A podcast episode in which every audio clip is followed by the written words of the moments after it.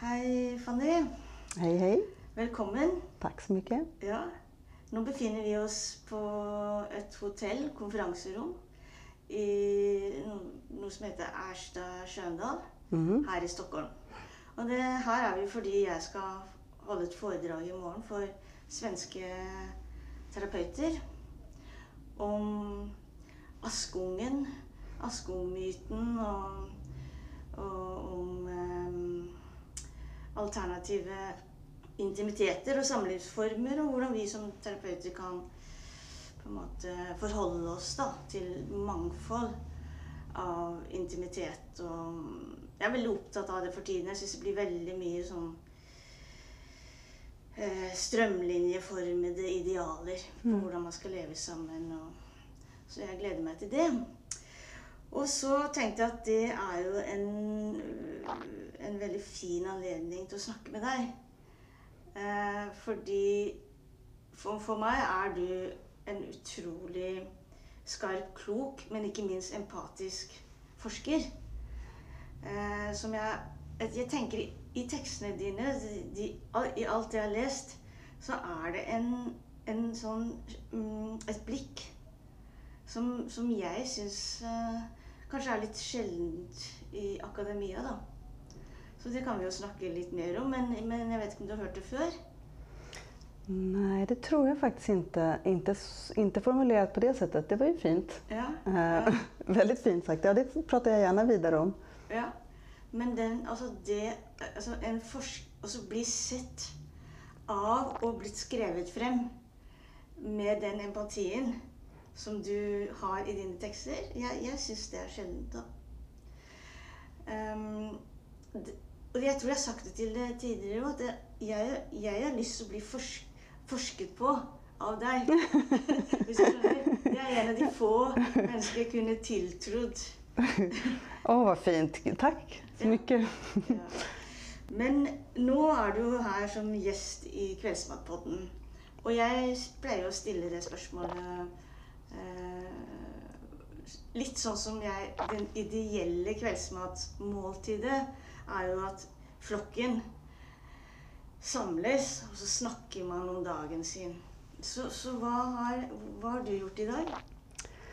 Idag har jag inte åkt ut till universitetet som ligger eh, ett antal hållplatser härifrån.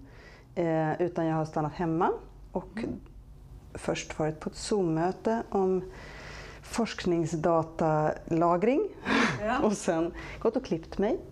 Och sen har jag haft... Ja, nyklippt. Ja, Ja, nyklippt. jeg, jeg, te- jeg tenkte på det, ja. Ja.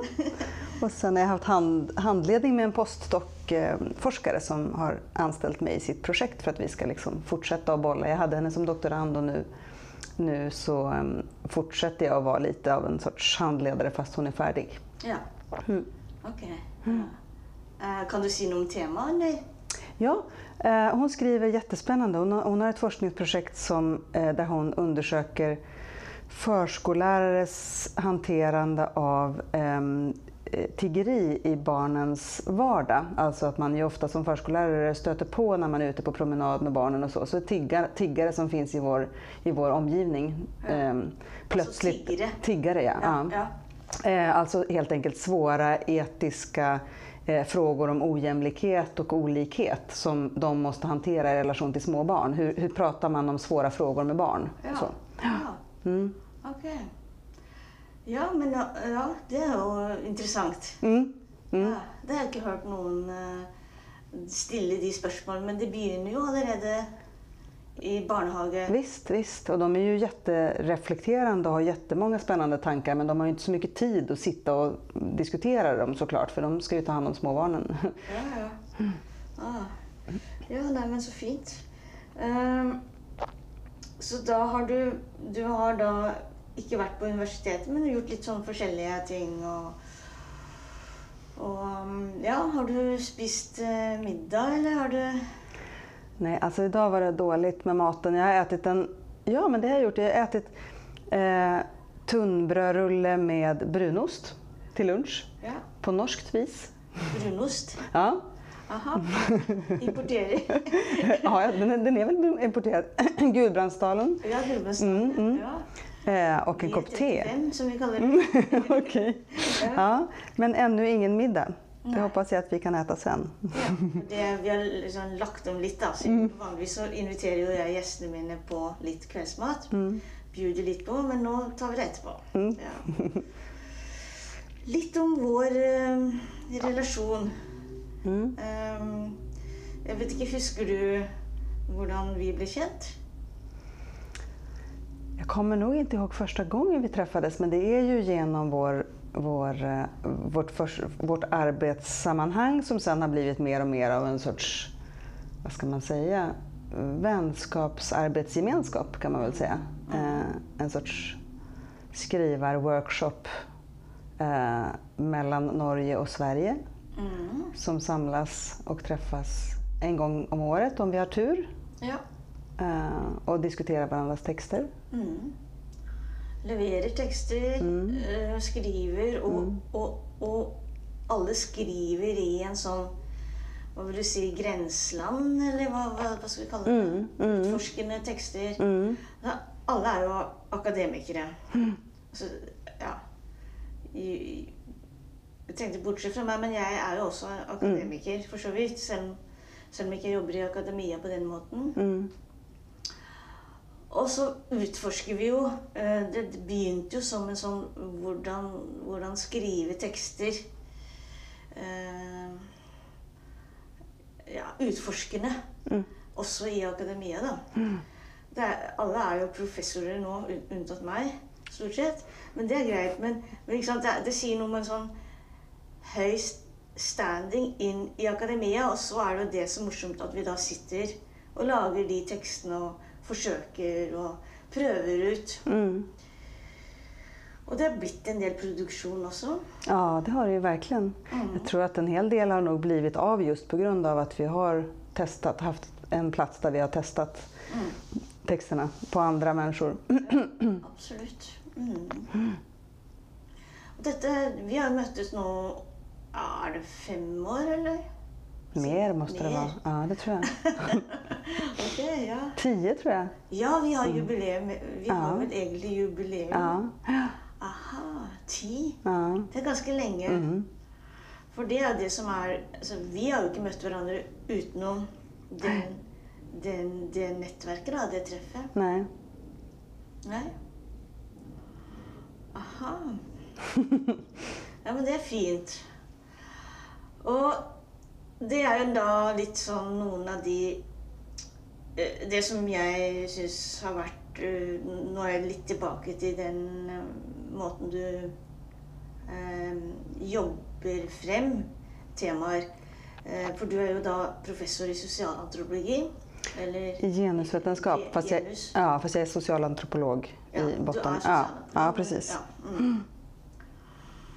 Så Og, og, og no, noen av de prosjektene dine, det har jo blant annet vært det med eh, rosa, eh, farlige fargen. Den fikk jo ganske mye oppmerksomhet. Det er jo sånn, ja. Mm. Og så er det den som jeg husker at vi har ha- lest i flere runder, den med stedning. Mm. Um, kan du ikke si litt om det prosjektet? Stä, er städningen. da- Mm. hva, eh, hvis vi skal forske litt, så er stedning er jo da For det, prøvde å tenke litt Det jo det er, det det vaske, vil vi kalle det. For det ikke rengjøring nø- nødvendigvis eller husarbeid. Nej. Eller tenker du at stedning, sånn som du tenker på det, er det store? Alt som skal gjøres i husholdet?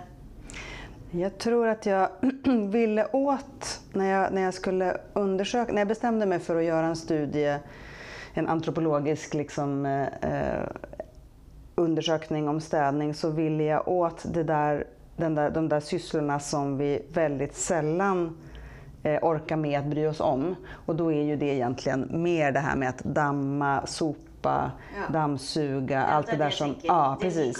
vasking. Ja, precis. Altså, det er det som altså, fordi Man kan jo tenke seg at å lage mat og stå og koke lenge, det er ikke det det Mm. Nej, det är inte det. Nei, du snakker om rutinearbeidet. Ja, ja. Og om eh, hvor rent må det være, og skal det være, Mm. og ja. Mm. Och grund, grundintresset kommer väl sig av att jag ja, dels som antropolog så är jag intresserad av sådana sysslor som vi vanligtvis liksom, ja, inte ägnar så mycket tid åt att tänka kring utan som vi bara gör. Liksom. Väldigt vardagliga saker. Mm. Men sen så också så är ju städning, eh, vad ska man säga, den står ju ut som den sysselsättning som de flesta människor som man känner till eh, säger sig tycka illa om, liksom. inte vilja göra. Ja. Väldigt låg status. Låg status. Ja. Mm. Och det var det som jag var lite intresserad av att undersöka. Hur kommer det sig att den, kan, att den står ut som en sån lågstatussyssla? Um, mm. När den då också är kvinnokodad. Den är liksom kodad som något privat, något man gör i det privata. Mm. Um, den är också uh, sorterad in i det reproduktiva arbetet, det repetitiva arbetet och så. Så det fanns liksom en massa saker som jag var intresserad av i städningen men som egentligen kokar ner till det där lågstatus. Ja. Um. ja. Sånt som att uh, alltså, alltså, all, alltså, allt jag husker hemma handlar om krangling från mitt, och mitt upp. Liksom, det var ju vem ska vaska när och vad. Ja. Och är det bra nog? Mm sån väldigt sån... Eh, föräldrarna mine, mor min kranglet, var helt vill av raseri över att hon fick så lite. Fick oss andra med och det, då blev det ju väldigt eh, lavstatus mm. och, och, och, det blev också skamfullt. Mm. För det hela tiden handlade om åh, vi har inte att vaska, eller vi må vaska för det kommer någon mm. på besök. Mm. Så det har ju jag med mig fortsatt. Alltså jag vill, jag, jag, det, det ligger sån i ryggmärgen att det måste se rent ut. Mm. Just det. Ja. ja. Och så kan det vara helt kaos i, in i skaper och allt sånt, men det där att det, ska se ren ut. Ja. Ja. ja, det är spännande vad det är som gör, dels att det, det menar, det är ju laddat eh, och inte minst laddat för, för kvinnor historiskt sett för att det är de som smutsen har liksom eh, eh, fallit tillbaka på. Det har varit deras ansvar, det är på deras eh, det är deras eh, vad ska man säga, rykte och, och liksom ära som, som det kommer an på om det inte är städat nog. Eh, också kopplat till, till eh, huruvida de är respektabla, eh, till och med kan bli kodade som sexuellt farliga om de inte är tillräckligt städade, liksom, upps, upp, uppsnyggade. Att det är sexuellt farliga? Ja, alltså att de helt enkelt är, inte är, om man, om, om man inte är respektabel så är ju risken att man är liksom rörig, eh, stökig, kanske sexuellt eh, lösaktig på något sätt. Alltså inte har sina saker eh, okay. eh, i ordning. Lite som, om, lite som de hvor Kulturella. røyken, ja. sneipene eh, och ölfläckar på ja. bordet och, ja. och, och, och skitten morgonkoppe. Ja. Okay. ja. Lite. Så att om man bjuder hem någon och så, är det, så ser det förjävligt ut ja, hemma. Detta är ju, detta är ju ett, ett mål i barnevärn och i socialt arbete. Ja, så ser man direkt att det här är något fel på. Ser ja. på, uh, kikar in, är det rent i kylskåpet? Ja. Uh, typ, uh, det, I rapporterna det var inte skiftet på sängarna. Ja. Nej, just det. Typ, just det. Mm. Um, så att det är inte konstigt att kvinnor har varit känsliga för just det där med att, att, det, att det måste se snyggt ut. Annars mm. så faller det tillbaka på dem, liksom. uh, inte minst om man har barn. Um, så det är ju extremt intressant som en form av liksom, disciplineringspraktik i relation till kvin kvinnor och kvinnlighet. Mm. Men det är också spännande, apropå det här du säger med att man verkligen inte vill göra sysslan, alltså att det här repetitiva, alltså det jag, det jag fastnade på ännu mer kanske än den här idéer om kvinnligt och manligt och vem som gör vad, var nog den här eh, städningens rytm och städningens riktning. Alltså att, att det tidsliga, eller vad man ska säga, i städningen, den där repetitiva, det som aldrig blir färdigt utan måste göras om och om igen hela tiden. Mm. Det som inte ens går att skapa någon form av liksom färdig produkt av som en mm. maträtt eller en mm. gardinuppsättning eller en eh, bullbak eller någonting sånt. Mm. Utan det bara är att plocka bort det som, mm. som är liksom förfallet. Um, att det är så extremt laddat för oss. Alltså att det är någonting med den där felvridna tiden som, som jag fastnade i. Och då tänker jag att det finns ju massa uppgifter som vi gör som är repetitiva i våra liv. Alltså vi åker till jobbet varje dag eller vi äter frukost varje dag eller vi eh, ja, bäddar sängen varje borstar tänderna. En massa saker ju. Vi lever ju väldigt repetitiva liv ganska ofta. Ja. Men, men det där med att vända papper på jobbet det räknas ju inte som samma tröstlösa uppgifter som det här med att ta bort dammet. Liksom. Så någonting är det ju med själva städpraktiken som gör den extra laddad. Liksom. Ja.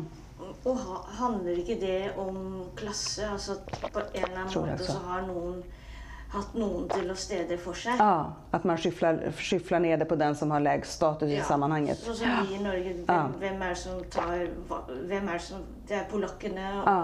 og ja, altså det er jo mm.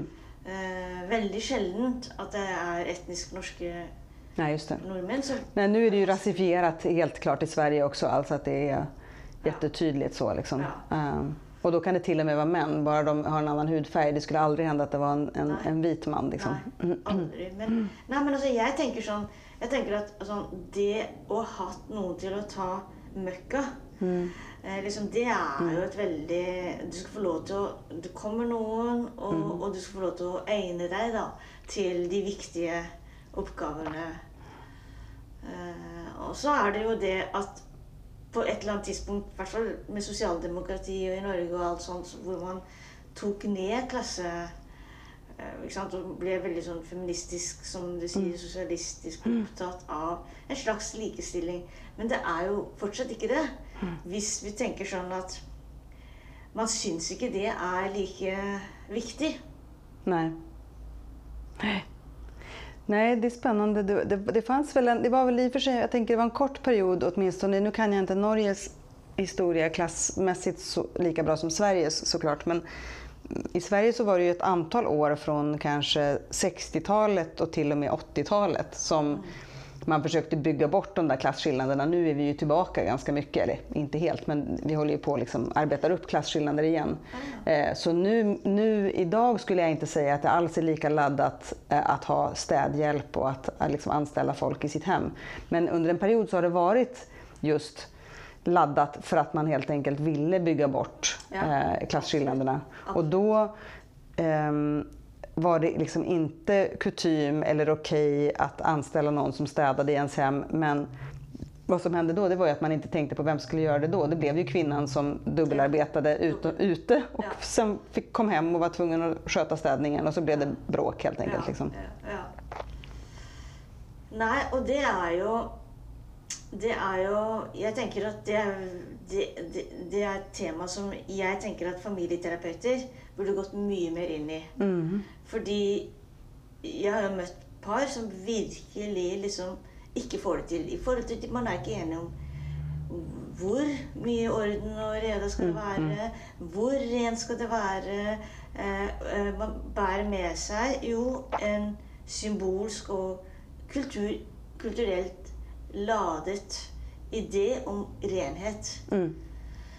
Eh, og når det skal da forhandles, da mm i de många hem. Mm, jättespännande. Ja, är det inte det? Ja, väldigt jag spännande. Jag tänker att du måste komma och snacka om detta till, till våra studenter.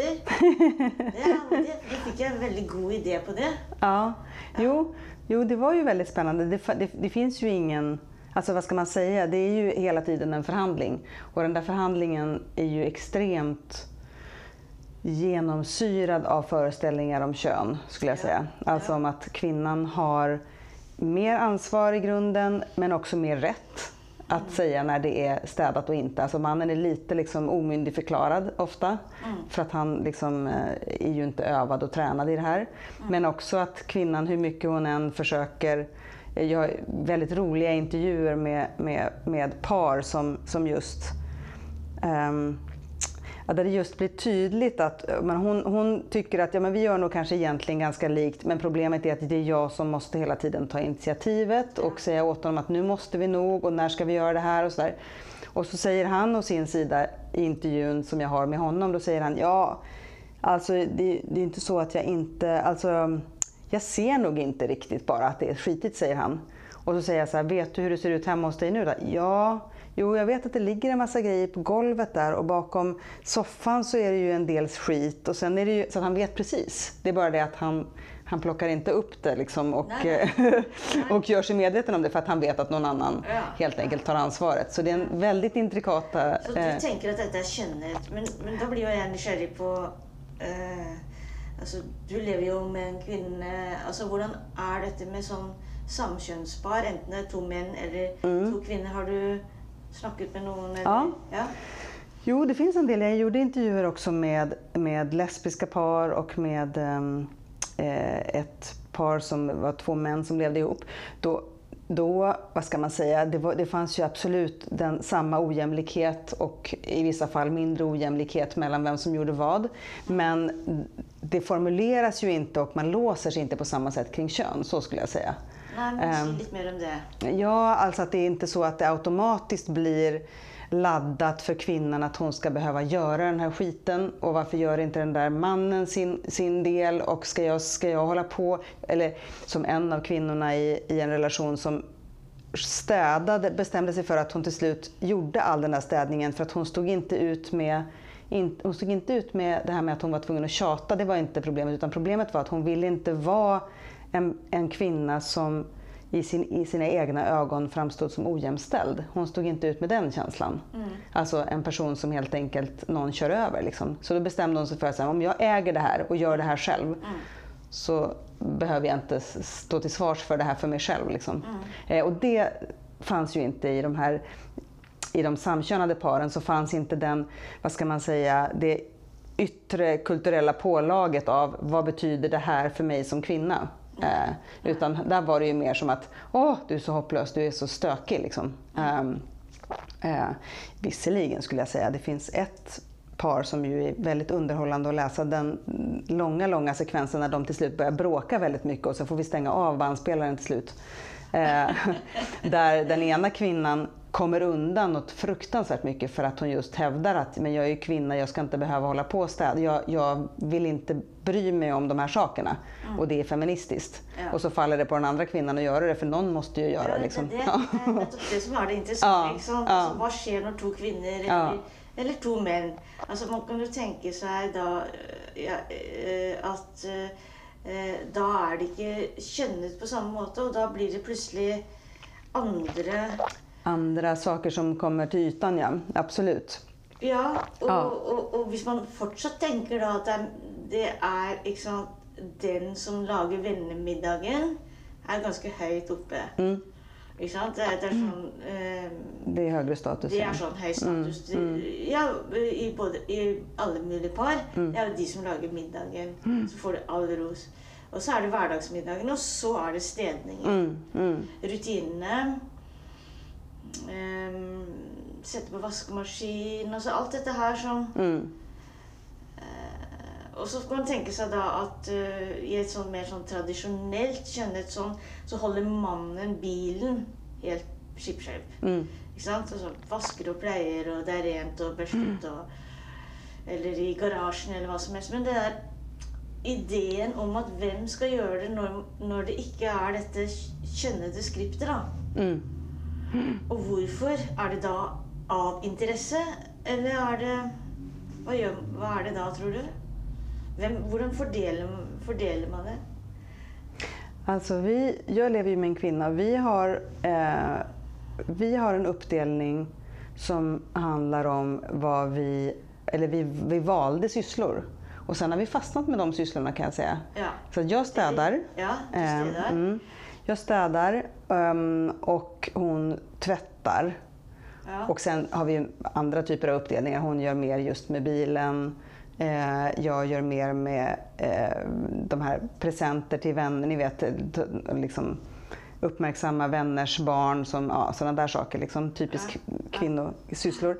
Men just den där tvätten och städningen, den är rolig därför att jag tycker att jag har kommit undan ganska lugnt. För att städa gör vi inte, eh, varannan vecka städar jag. Okay. Dammsuger och dammar. Mm. Det tar mig två timmar varannan vecka. Okej. Och hon tvättar och det blir ju mer tid skulle jag säga. Men för det är åtminstone en gång i veckan och så måste hon springa upp och ner i tvättstugan. Och, ja, mm, det tar längre tid. Men å andra sidan tar det ju inte intensiv tid utan hon springer ner, slänger in tvätten, går upp och kan göra något annat om du förstår. jag känner. Men det tar ju mer tid, liksom, alltså hon blir upptagen mer tid.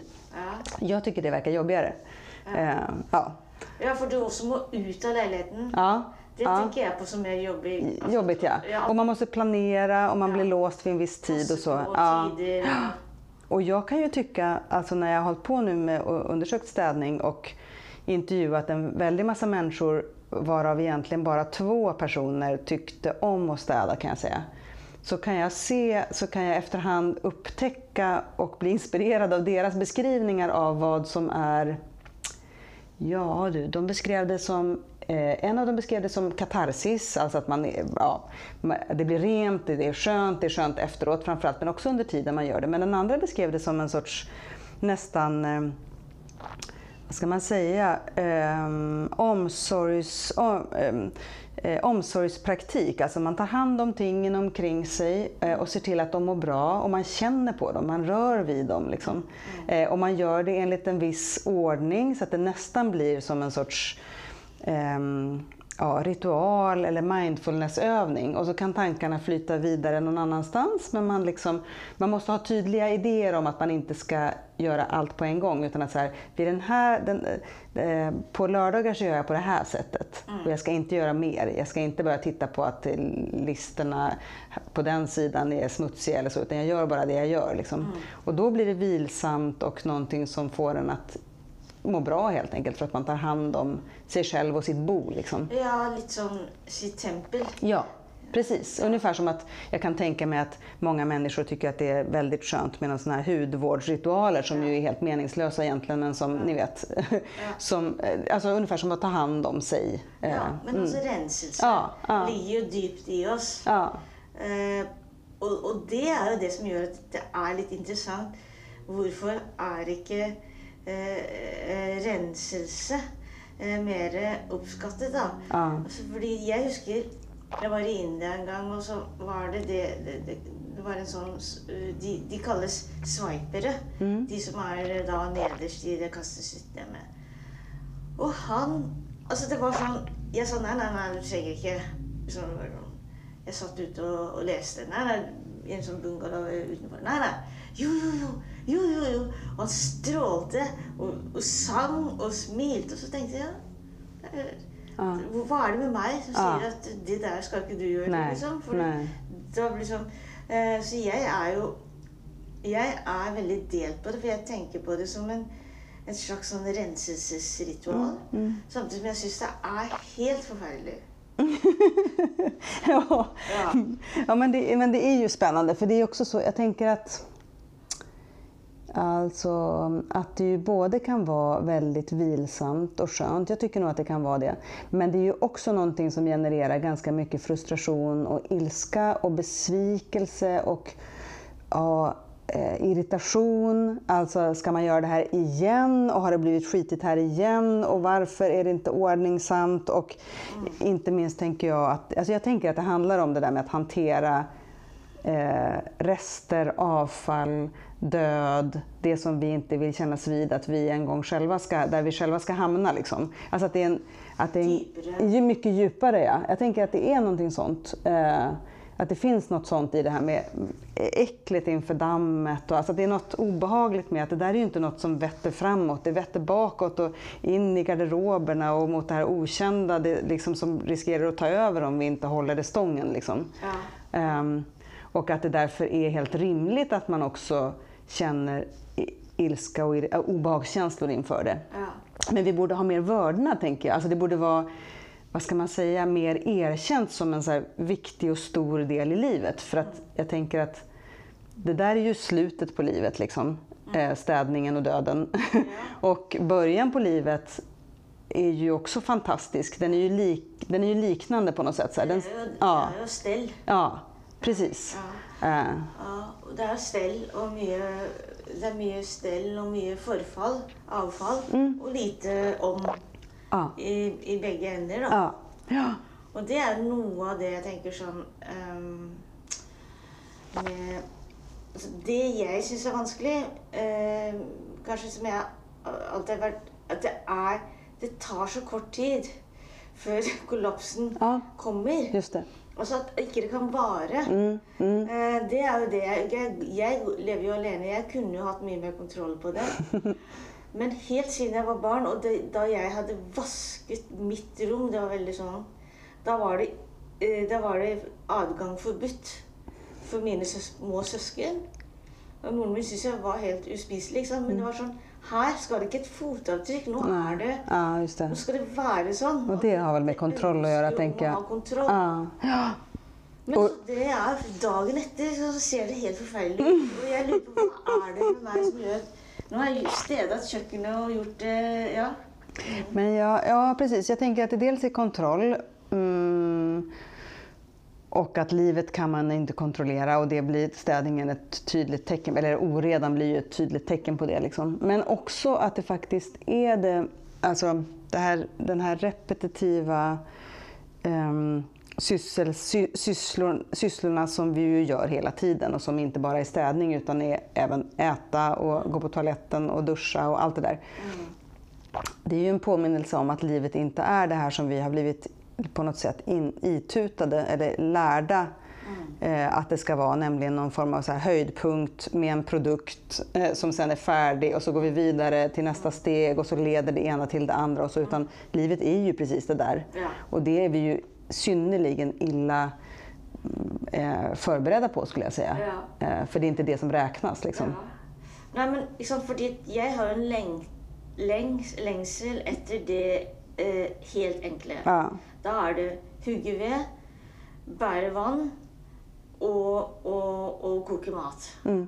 Liksom bitte lite sånn altså Jeg tenker litt sånn tempel og Mm. klosterliv og, og det fordi det tenker jeg at jeg, det kunne jeg likt veldig godt. Men det er det at alt det andre skal skje samtidig Mm. i mitt liv. Mm. Og da blir plutselig ikke stedninger noe sånn små hellige ritualer. Det blir noe som tar tid Ja, det. tar krefter Jo, men- det Ja men precis, precis. Det tänker jag också att vi faktiskt är för upptagna, eller vi ger, vi ger sysslan för lite tid. Jag tänker om man nu såg på det som just Tänk att nu rör jag mig i närheten av döden. Nu påminns jag om att, jag är, att livet är ändligt. Då skulle vi ju ge det mer tid. Då skulle vi ju tänka att det här är en syssla som jag gör för att den är nödvändig, den är bra för helheten och kanske för mig i förlängningen. Liksom. Men nu är det ju något som vi verkligen ska slarva förbi bara och egentligen som inte borde ta någon tid alls. Och då är det inte undra på att vi blir väldigt irriterade. Ja, det er nettopp det. Mm. Jeg ser for meg at hvis jeg bodde i en liten hytte ved, ved havet og samler drivved Mm. eh, og, og, og på en måte bitte lille kvadraten Mm. holder jeg helt skinnende ren, og det lukter godt. Mm. Sant? Men det er, det er ikke bøker som skal støvsuges. Det er ikke Skjønner du? Mm. Det, er, ja, det er akkurat det at det, det, det, er ikke plass til det. Men vi har lite för mycket också ju. Alltså i, i, i liksom välfärdssamhällena eller det västerländska samhället så är vi ju liksom prylfixerade, samlar på oss en massa grejer. Alltså, vi hade ju haft det lättare om vi inte hade haft så mycket konsumtionsvaror helt enkelt. Ja. ja. Och det, det, det, det detta temaet med repetition, döden, städning, det eh, Det, det, det måtte, är ju mm, er jo det temat som jag också har lust att prata med dig om, Nämligen din lillasyster Nadia. For jeg tenker at det er eh, Jeg tenkte på det, det lille jeg leste i går, så tenkte jeg men eh, dette med eh, repetisjon, det med dagboken altså Det handler om å holde Nadia ren Mm. på, på mange måter. At de helt sånn ja, Kroppslig avfall, altså slim, av, avføring Alle disse tingene. Det handler om at dette blir ting å notere, da. Så kan ikke du snakke litt om Nadia? For du, i, var det for to år siden, kom du ut med en bok, eller? Var det ja, Mm. Ett år sedan. ett år siden? Ja. En, en bok. Precis, en bok som jag skrev om min lilla syster Nadja som var eh, gravt funktionsnedsatt från födseln. Vad, vad då? Funktionsnedsatt Ja. eh, från, från hon föddes. Hon, hon kunde inte göra några medvetna rörelser, hon kunde inte se, hon kunde inte... ja, hon hade ibland svårt att andas, Mm, hon kunde inte prata, hon kunde, ehm, ja, hon kunde inte göra någonting kan man säga egentligen. Men hon, hon eh, hörde bra. Ja. Ehm, hon älskade ramsor.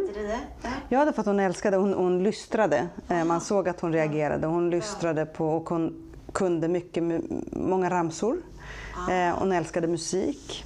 Ehm, Och hon kände igen alla våras röster och stegen, mammas steg. När mamma kom i korridoren så hörde hon att det var mamma som kom gående. Och så. så hon var liksom känslomässigt ganska utvecklad men kunde liksom inte meddela sig med omgivningen på, på som vanligt vis kan man säga. Nej. Eh, och jag skrev en bok om henne som var eh, som, som en mycket mer personlig bok än mina tidigare böcker som ju är vetenskapliga liksom, undersökningar. Ehm, eh, så en, ett försök att skriva en biografi över henne men en väldigt personligt hållen biografi kan man väl säga då. Alltså en biografi utifrån, utifrån mig som person och min relation till henne. Eller om hela familjens relation till henne och vad hon gjorde med familjen. Liksom.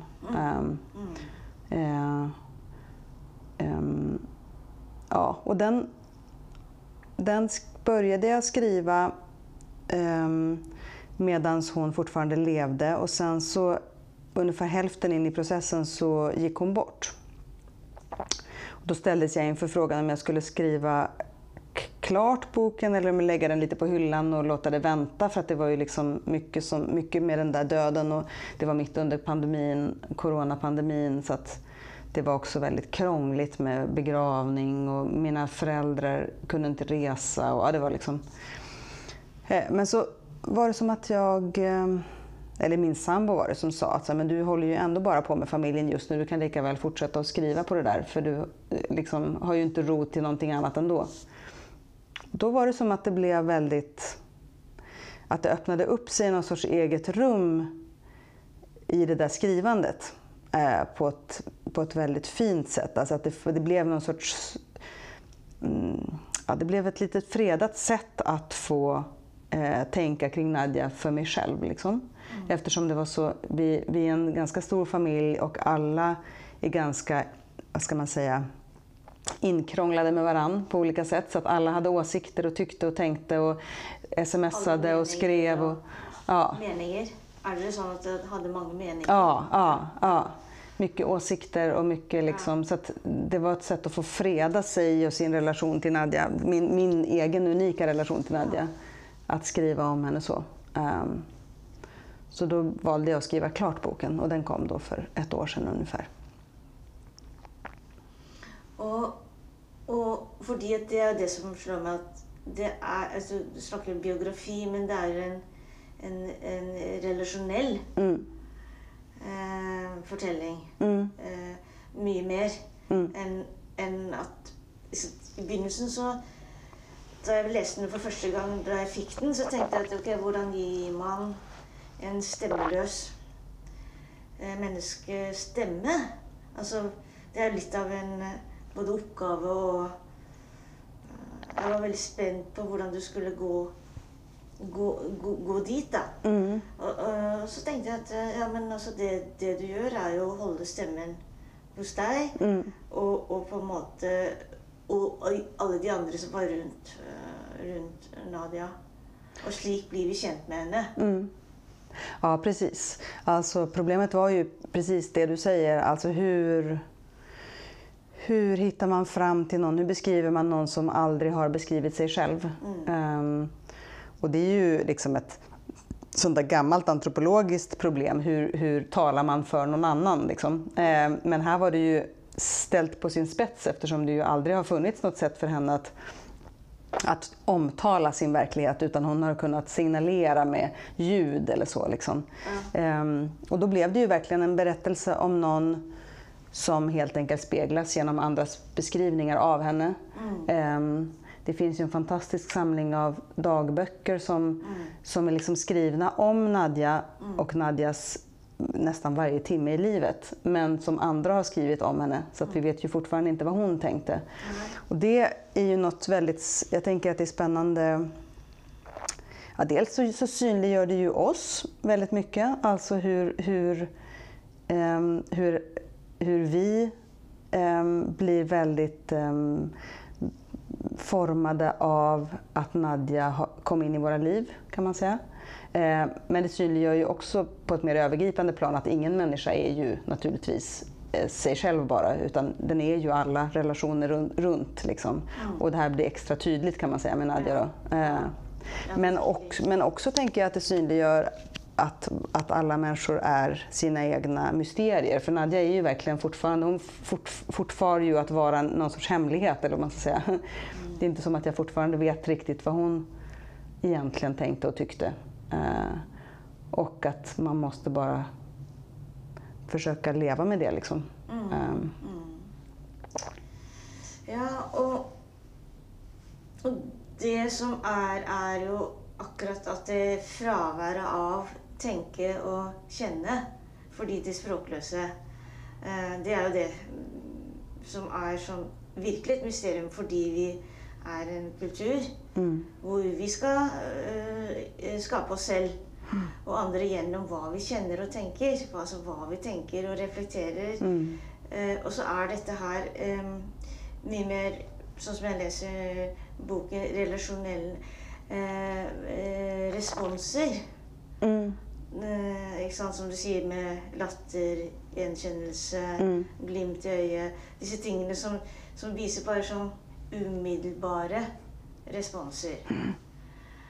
Och det är ju väldigt eh, det är ju väldigt, väldigt, väldigt annorlunda eh, med vad vi tänker om ett eh, värdigt människoliv. Då. Ja. Du är ju professor, du är högst på den akademiska stigen när det handlar om att tänka och reflektera och, och, och iscenesätta dig själv. Mm. Visst. Forma meningar. Ja. Verkligen. Uh, ja, det är jättespännande. För Nadja, där var det, ju, det var ju helt oviktigt för henne, eller vad man ska säga. Mm. Um, eller tror jag. um, och uh, att få syn på alla de där väldigt, mm, vad ska man säga, centrala aspekterna av mänskligt liv som vi ju har sopat undan eller liksom inte bryr oss om eller inte tror är viktiga eller så. Som, som var hennes Ja, som hon hade blivit bra på. Liksom. Eh, alltså just eh, ge direkt respons. Mm. Befinna sig väldigt mycket i nuet skulle jag säga. Alltså det kan man ju på något sätt dra slutsatsen av med tanke på att hon hade varit så utsatt för så mycket eh, smärta över tid och så. Och mm. skulle komma att, alltså hade hon vetat om vad hon skulle komma att vara utsatt för vad gäller kroppslig smärta så hade hon ju förmodligen sett helt annorlunda ut. Hon hade en väldigt klar blick och var väldigt glad i stunden. Mm. Och det hade nog att göra med att hon inte varken tänkte på dåtid eller på framtid. Liksom. Hon hade icke eh, minne, nej, icke nej. För, föreställningsämne. Nej, nej. Eh, eller att hon var det som jag liksom fick börja undersöka och tänka kring när jag förstod, eller försökte nysta i och förstå hur det kom sig att hon hade en sån trogen och fast stab av assistenter som stannade hos henne och ville vara med henne fastän det var ett ganska, vad ska man säga, ensamt jobb, dåligt betalt, dåliga arbetstider, låg, låg status. Mm. Eh, eh, hela tiden ifrågasatt och liksom på gränsen till att bli nedskuret och sådär. Eh, så var de så bestämda på att det här var det bästa de hade gjort. De ville inte utbilda sig mer och de ville jobba med Nadja för det gav dem så mycket. Och jag, utifrån sett var det svårt att se vad, vad ger det här för någonting. Liksom. Mm. Men hon var uppenbarligen i sitt sätt att svara på deras omsorger så var det någonting med hennes sätt att ta emot omsorg som var eh, bara väldigt fruktbart. Eller liksom, hon, var, hon var väldigt eh, duktig på det helt enkelt. Alltså begåvad på det, eller kunde det. Liksom, kunde den konsten. Och det tänker jag är ju sådär, det, det, för min del så var det nästan, nästan revolutionerande att tänka att allt som jag har lärt mig, inte har jag lärt mig att ta emot omsorg. Det är jag ju skitdålig på. Liksom. Kan jag bara räkna ut att jag kommer bli så dålig när jag blir gammal på det. Därför att jag är van vid att, att producera, jag är van vid att tänka, jag är van vid att liksom hacka upp, analysera och jag är van vid att ge omsorg också till mina närmsta, men inte ta emot. Eh, Det är nästan lite skäm, skämmigt för mig, det är svårt. Liksom. Jag är dålig på det helt enkelt. Och hon, hon skapade så mycket av liv och sammanhang och meningsfullhet genom att hon var bra på att ta emot omsorg. Ja. Eh, Og det Og, og, og, og på en måte uten eh, eh, Altså på, på en eller annen måte mm, uten reservasjon. Ikke sant? Det er bare sånn ja, ubetinget. ja, Jeg er.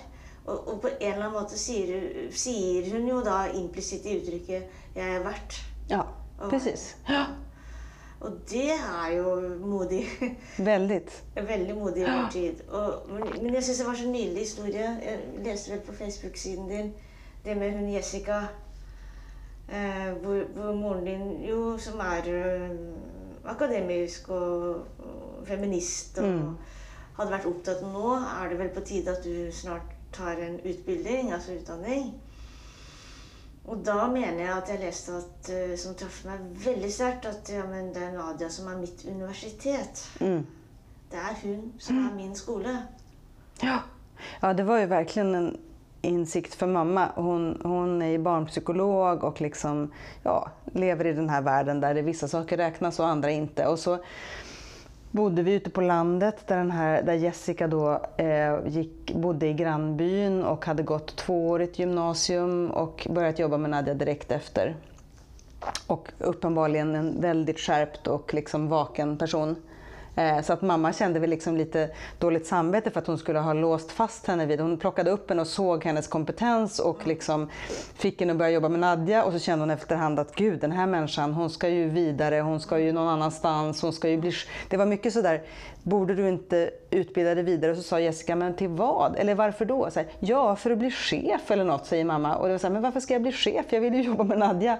Alltså det finns ju ingen anledning eh, alls verkligen. Ehm, och det var ju också mycket riktigt så att, att Jessica blev ju också, eh, alltså hon fick erkännande av alla omkring eh, Nadja, inte minst av läkarna. När Nadja blev svagare och sjukare med åren så åkte hon ju ofta in och ut till sjukhuset och så. Och det var ganska svårt för många av de här nya läkarna att förstå sig på vad det var för problem, för hon hade ju så många olika saker som var problem. Och Jessica kunde ju hennes kropp innan och utan och hade på något sätt helt enkelt förstått och lärt sig och kunde komma med mycket mer initierade eh, potentiella diagnoser. Hon föreslog för läkarna, jag tror att det är så här.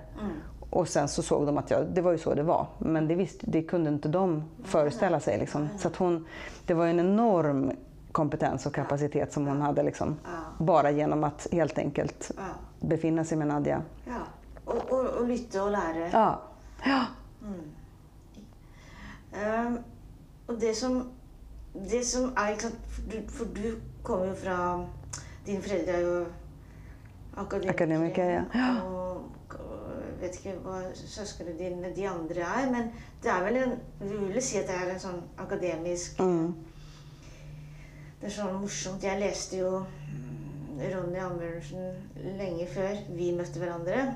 Som mitt, mitt fornavn er Ronny eller noe sånt. Mm, mm. Ja, den ble oversatt på norsk, og jeg syns jo det var helt genialt.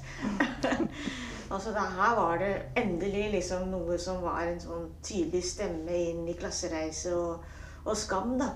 Mm. Så, så, og du, du beskriver jo den i den boken eh, foreldrene dine sin sorg. Mm. Eh, hva tror du den sorgen eh, handlet om? De skiturene som de gick alene och gråt och... Alltså jag tänker att den handlade om en massa saker som, de inte, som inte vi som barn orkade med att omfatta och se. Liksom. Att Det handlade om en, alltså att det här med när man är ansvarig för ett nytt litet liv så är man ju också mer benägen att vilja normalitet, tänker jag. Alltså att man blir oroligare för allt det som är onormalt. Eh, därför att man förstår att det framåt sett kanske ska bli svårt eh, på olika sätt. Så det var nog en, en, en, en sorg och rädsla för den här, liksom, det, det, de problem som det, eh, det icke-normala kan skapa. Liksom. Sen var det nog en sorg över att livet aldrig skulle bli som förut. Um, alltså att vi kommer inte kunna leva lika bekvämt och lika enkelt som tidigare. Mm. Eh, en rädsla, och... en massa oro, ja, verkligen. Mm. Ehm, och sen tror jag självförebråelse, alltså lite sådär har vi tagit oss vatten över huvudet, vi ville ha fler barn, varför var vi inte nöjda med det vi hade? och så. Men jag och min syster vi blev ju bara väldigt arga när de var ledsna. Vi, vi tyckte ju att det var som att sörja någon som fanns. Alltså att, Mm. hur kan man sörja någon som finns och är jättegullig och fantastisk i sin egen rätt? Så, där, så vi var ganska stränga Mm. och ville liksom inte veta av de där tårarna. Nej, så, Eh, så, ja. så var det mye mer sånn oppi i det med Nadia er Ja, det var väl också så att vi tyckte att det blev skenheligt att, att predika liksom alla människors lika värde som de ju ändå gjorde sådär liksom, eh, eh, ja, socialister eller socialliberaler eller vad man ska säga, liksom någon sorts mänskliga värderingar. Mm. Eh, och att samtidigt vara ledsen över att någon kommer och är på ett helt annat sätt. Liksom. Det kan man ju inte göra. Nei, og her er vi jo litt sånn Her er vi ordentlig, syns jeg, inne på noe.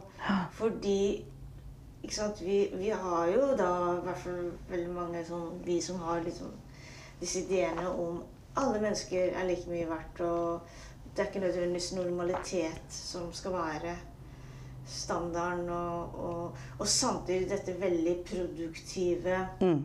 fokuset på vekst. Altså sånn, sånn, sånn på en måte For å bruke, bruke meg selv, da. Kunne jeg da f.eks.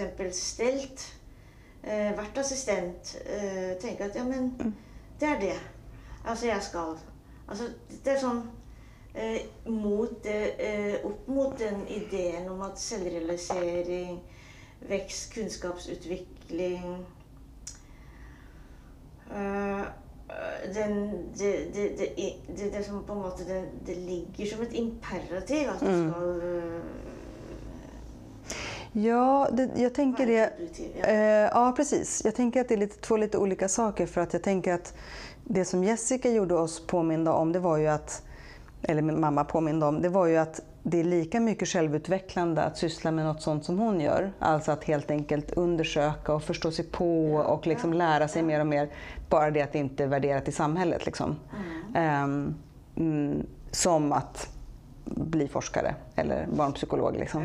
Ja. Ehm, så jag tror nog att vi alla på sätt och vis vill, själv, vi- vill utforska världen. Eh, men att vi har, så, vi har så väldigt snäva ramar för vad som är legitimt utforskande och legitim utveckling, självutveckling och legitim liksom, Ja. ja. Ehm, ja, nej men visst. Och jag tänker också att det fanns säkert i, i, i deras, alltså den här, mm, vad ska man säga, med nödvändighet lite konservativa läggningen som föräldrar får i relation till sina barn. Man vill dem bara det mest normala. Liksom. Ja. Man vill inte att de ska bli utsatta för någonting annat än att vara helt normala. Ja. Men, men hva Forstår du dem i dag? Eller hva tenker du? Ehm, jag har ju mycket mer förståelse för deras, deras s- ganska svåra sits ehm, nu. Och jag kan också se och jag kan tro också att min pappa som, som jag ju, jag pratade ju med min, min pappa en hel del ehm, i relation till boken. Ehm, min mamma blev liksom så pass dement så det gick inte att prata med henne eh, då under tiden jag skrev. Men, men hon finns ju med på massa andra sätt. Liksom. Men han formulerade det som att han ångrade i efterhand att han inte hade låtit den där sorgen synas mer, alltså finnas med mer i vardagen. Ja. Ehm, For de gjemte seg for dere? Ja, de gömde sig för oss. De, de grät i bilen in till stan på, till jobbet och, eller på skidturer som de tog på morgnarna innan vi hade hunnit kliva upp och sådär. För att de inte ville förpesta familjelivet med massa sorg. Och han tänkte väl att han i efterhand kan, sakna, eller kan ångra lite att han inte lät sorgen få plats mer. Och det tror jag nog, alltså det hade nog, det, det tror jag nog är sant. Det hade nog inte varit så dumt.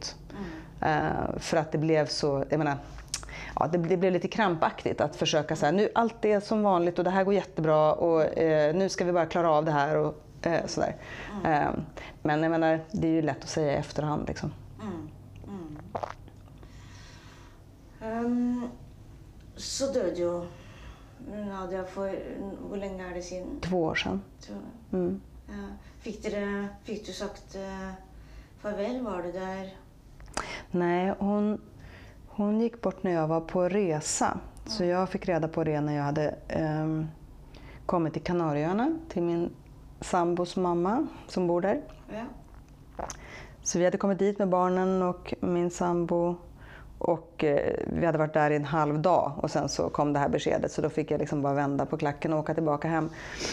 Och då hade, så ingen var där eh, eh, men Jessica kom farande så att hon kom precis efter att hon hade gått bort. Ehm, och sen åkte mina systrar upp så att min mm, Nadjas tvillingsyster Liv sov med henne ehm, den första natten när hon var död.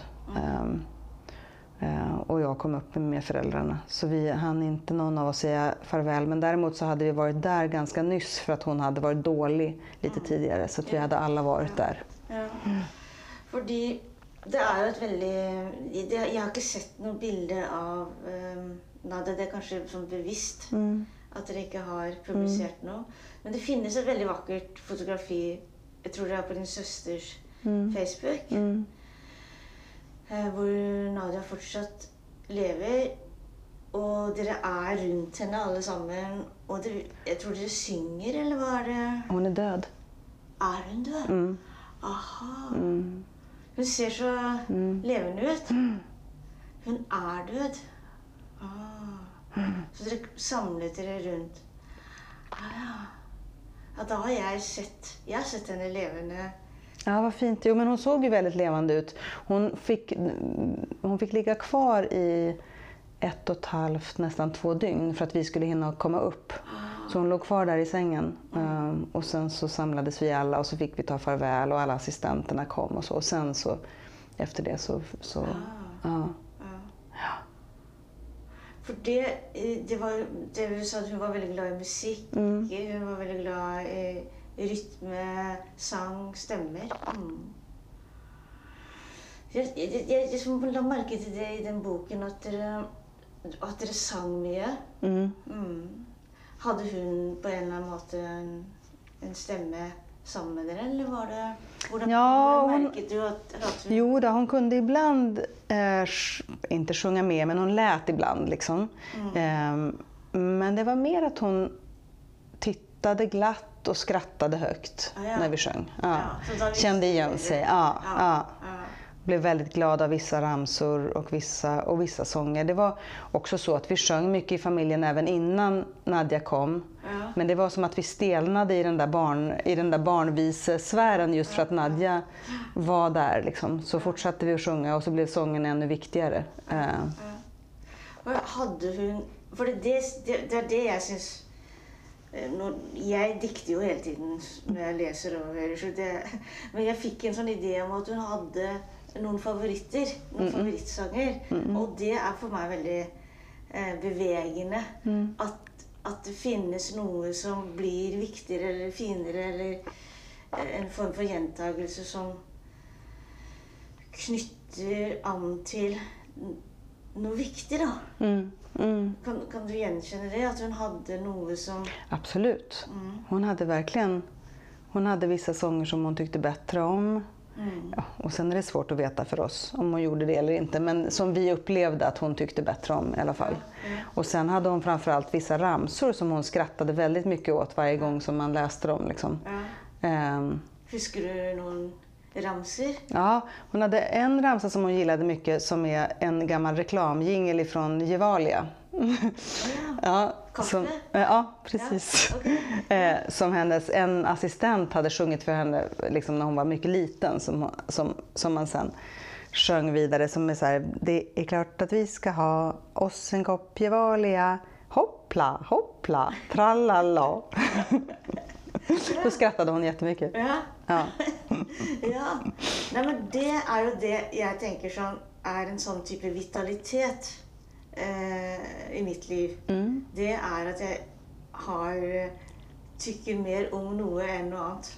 Mm. Altså natur, det er mennesker, det er eh, musikk det er, Altså den, den opplevelsen Alt er ikke likegyldig. Eh, alt er ikke I døden er jo alt likegyldig, Mm, hvis du mm. kan ta det perspektivet, da. Eh, så det er liksom veldig sånn Da jeg leste boken, så var det veldig sånn Oi, vitalitet. Mm. Ja. Ja men det är sant. Och hon gillade ju, hon hade ju väldigt tydligt, hon tyckte mycket om eh, när det blåste mycket, vilt väder, eh, regnar och blåser liksom i ansiktet och så. Gupp i vägen när hon åkte i sin färdtjänstbil. Ehm, och sen tyckte hon ju väldigt mycket om Jessicas röst, då skrattade hon alltid. Och, na- och mamma. Ehm, och våra röster, men det var mer tror jag för att vi hade spelat in skivor och band så att hon kände igen dem Ja, sedan lång tid ja. tillbaka. Liksom. Ehm, Men det, det som er eh, så vakkert, det er akkurat den gjenkjennelsens mm. eh, form for magi. Ja visst. visst. som sant? At Det ja, men i, Jeg bare ser for meg i en verden, en, både i min egen verden, som er jo da vilt kaotisk, med alt, så mange stimuli, og hennes som var ikke sant, repetitiv og ganske sånn jevn. Men det er den eh, som jeg tenker sånn eh, gjenkjennelsesglimtet. Eh, som som forankrer Mm. eh, Forankrer oss till det levande. Mm. Jag tänker att det gjorde det ju absolut med henne. Alltså, de jobbade ju också aktivt med att alla assistenterna fick lära sig eh, Nadjas, vissa av Nadjas sånger, alltså sånger ur hennes repertoar eller vad man ska säga. Så att hon kände sig bekväm med dem och kände igen sig i dem och sådär. Men att det också var väldigt viktigt för oss som familj. Alltså att det blev ett sätt för oss att hålla oss på, i omloppsbanan också på något sätt. Eh, eh, vi hade en, en ramsa som vi också alltid läste för Nadja eh, som hon också skrattade åt alltid, som var så här eh, Nadja, Nadja, Nadja persika och Fannika plommon, det är jag då. Och Siri Kisse solsken, oliv, oliv. Och då skrattade hon alltid när man sa oliv, oliv.